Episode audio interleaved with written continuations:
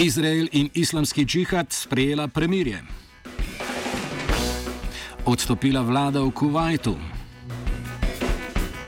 Samo deklarirana bolivijska predsednica Ženin Anes po puču imenovala novo vlado. Blokada migranskih taborišč Mednarodne organizacije za migracije v Unskosanskem kantonu in policijska ura za migrante. 26. Bienale oblikovanja.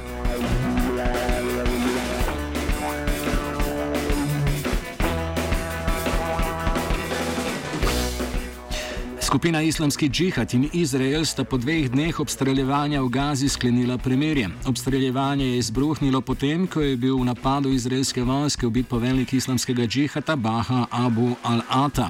Islamski džihad je v odgovor Izraelu izstrelil 400 raket, a smrtnih žrtev ni bilo. Medtem pa je izraelska vojska ubila 34 palestincev in jih slabih 100 ranila. Spopad prihaja nedolgo zatem, ko je na mesto ministra za obrambo stopil naftani Benet. Kmet, eh, ki se zauzema za represivnejše obravnavanje palestinskih militantnih skupin. Pobudo za premirje je dal islamski džihad, v dogovorih pa je posredoval Egipt.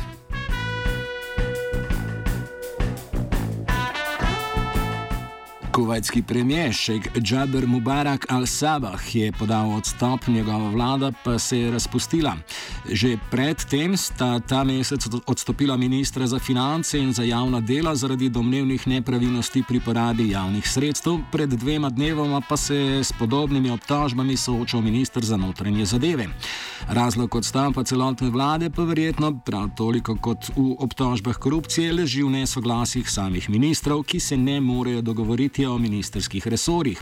Pred parlamentom se je medtem zbrala množica protestnikov, ki nasprotuje domnevni vladni korupciji. Kuwait parlament sicer voli na splošnih volitvah, vlado pa nadzirajo vladajoča družina.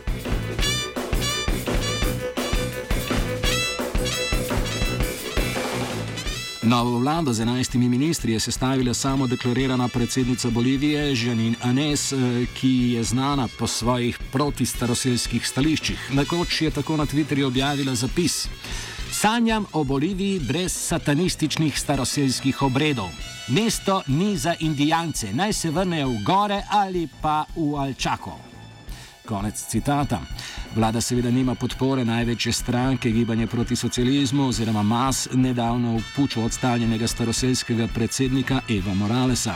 Člani MAS-a se od puča dalje namreč ne udeležujejo zasedanj parlamenta. Staroseljci se sicer še niso predali, več sto tisoč jih je na ulicah La Paza zahteva in zahteva vrnitev Moralesa, v mestu El Alto nad La Pazom pa postavljajo barikade. Spomnimo. Državni udar je izvedla vojska, potem ko je Organizacija ameriških držav oziroma OAS naznanila, da je ugotovila nepravilnosti na volitvah, na katerih je prepričljivo zmagal Morales. OAS seveda ni predstavila nikakršnih dokazov o nepravilnostih. Gre za organizacijo, ki je poznana po, po svoji naklonjenosti interesom in politikam Združenih držav Amerike. Te verjetno mikajo bogate zaloge litija v Boliviji. O antisantanizmu nove predsednice govori politkomisar Stanalin z oddelka Agitprop Satanic Communist Party. Satanizem ni, ni kot krščanstvo, da bi uh, na krivice odgovarjal z odpuščanjem. Uh, za vsakega tovariša bo padlo deset kristjanov, njihova srca bodo izruvana na starodavnih inkovskih piramidah in žrtvovana nasilcu luči Luciferja, Nemški časopis Der Spiegel je objavil poročilo, v katerem ugotavlja, da je bilo med letoma 2017 in 2018 iz Grčije v Turčijo nelegalno deportiranih 60 tisoč migrantov. Grčija naj bi jih deportirala, še preden bi sploh obravnavala njihov status. Po mednarodnem in evropskem pravu mora država za vsakega migranta, ki zaprosi za azil, individualno preučiti njegovo upravičenost do azila. Grčija obtožbe sicer zanika, kot že več mesecev opozarja slovenska inicijativa v Infokolpa, pa se to vrstni tako imenovani pushbacki dogajajo tudi na slovenskem. Obstaja namreč močan sum, da slovenska policija množično vrača migrante, ki izrazijo željo za azil na Hrvaško, ta pa na to v Bosno in Hercegovino.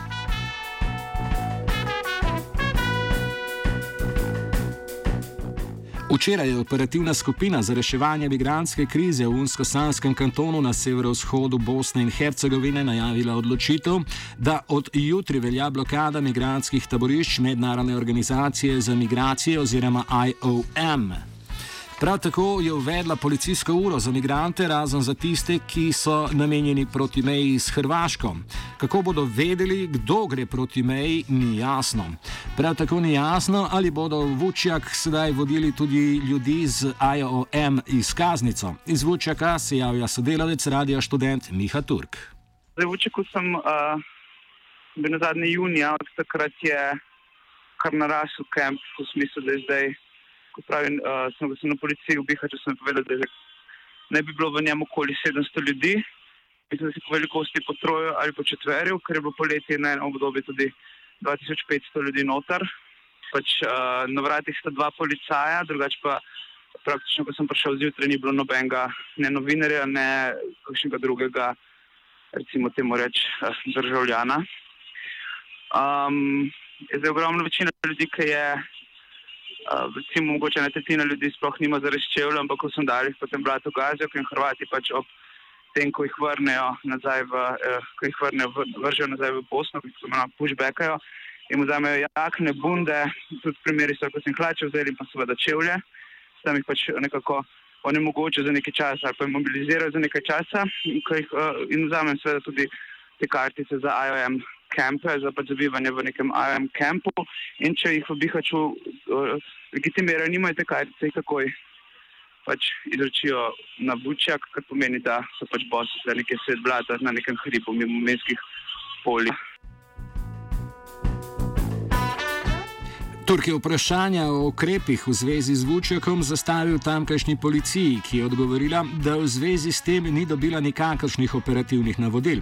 Prav tako ni jasno, ali bo Vučjak zaprt in kakšna bo usoda ostalih taborišč v Unsko-Sanskem kantonu.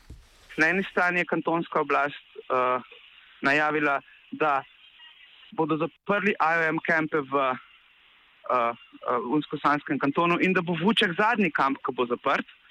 Po drugi strani je federacija uh, najavila, da bodo Vuček zaprli in da bodo vse ljudi dali v IOM kampe. Jaz sem danes šel, jaz sem takoj, ko je bila ta objava po tej uh, blokadi in policijski uri, sem šel na, zjutraj na uh, sedež policije v Bihaču, kantonalne policije in sem rekel, da niso dobili nobenih operativnih navodil glede tega in uh, ne vejo, v kakšni meri bodo izvajali in kako bodo izvajali ta ukrep, da je to pač naravne deklaracije, čeprav ne bi to začelo veljati jutri, se bo 24-urni karfju. Po drugi strani sem govoril za parimi dnevi s Petrom Auverajrtom, ki mi je rekel, da je za to najavo tako na strani federacije, eh, na strani federacije zvedel istočasno kot javnost, da so migrantski, da so IAM centri tako v Sarajevo kot v Unsko-Sanskem kantonu nabito polni, da ne bi dobili, uh, da ne bi jim omogočili gradnjo dveh novih centrov, v nekih vojašnicah, mislim, da v tem eh, kantonu, um, uh, tam nekje pri Tuzli in v Sarajevu, vendar njegova ekipa še ni imela sploh dostopa do pač teh objektov, tako da niti ne vejo, v kakšnem stanju je. Tako da zdaj to je nekako ta nek kapac pozicija, bomo pa videli jutr, v kakšni meri se bo to realiziralo in kakšne bodo implikacije. Tega, kot sem rekel, je tale kamp na Vučeku precej, precej zrasel, ni pa spet tako poln, kot bi si človek mislil, da um, pač ker bo poleti 2500 ljudi, tako da je še vprašanje, kako se bo to uh, išlo. Mislim, da noben zares ne ve, mislim, da so tukaj kup različnih silnic, ki se med sabo nekako trkajo. Je pa tudi problem, uh, uh, pač tudi če odprejo nova migrant, uh, ta, uh, če odprejo nova taborišča oziroma kempe, je, je problem pač pri transportu, ker pač ne moreš uh, ljudi na silo uh, transportirati na okolje. In verjamem, da večina, veliko ljudi pač raje bi raje probalo srečo, da grejo na zahod, oziroma da grejo proti Evropi, čeprav je veljal tudi za Unsko-Sanski kanton oranžni alarm zaradi nevarnosti poplavne. In se reke tudi tukaj do očenomla, da tukaj so se skoraj podvojile v obsegu. Iz Vučjaka se je javljal Miha Turk. OF je pripravila Zala.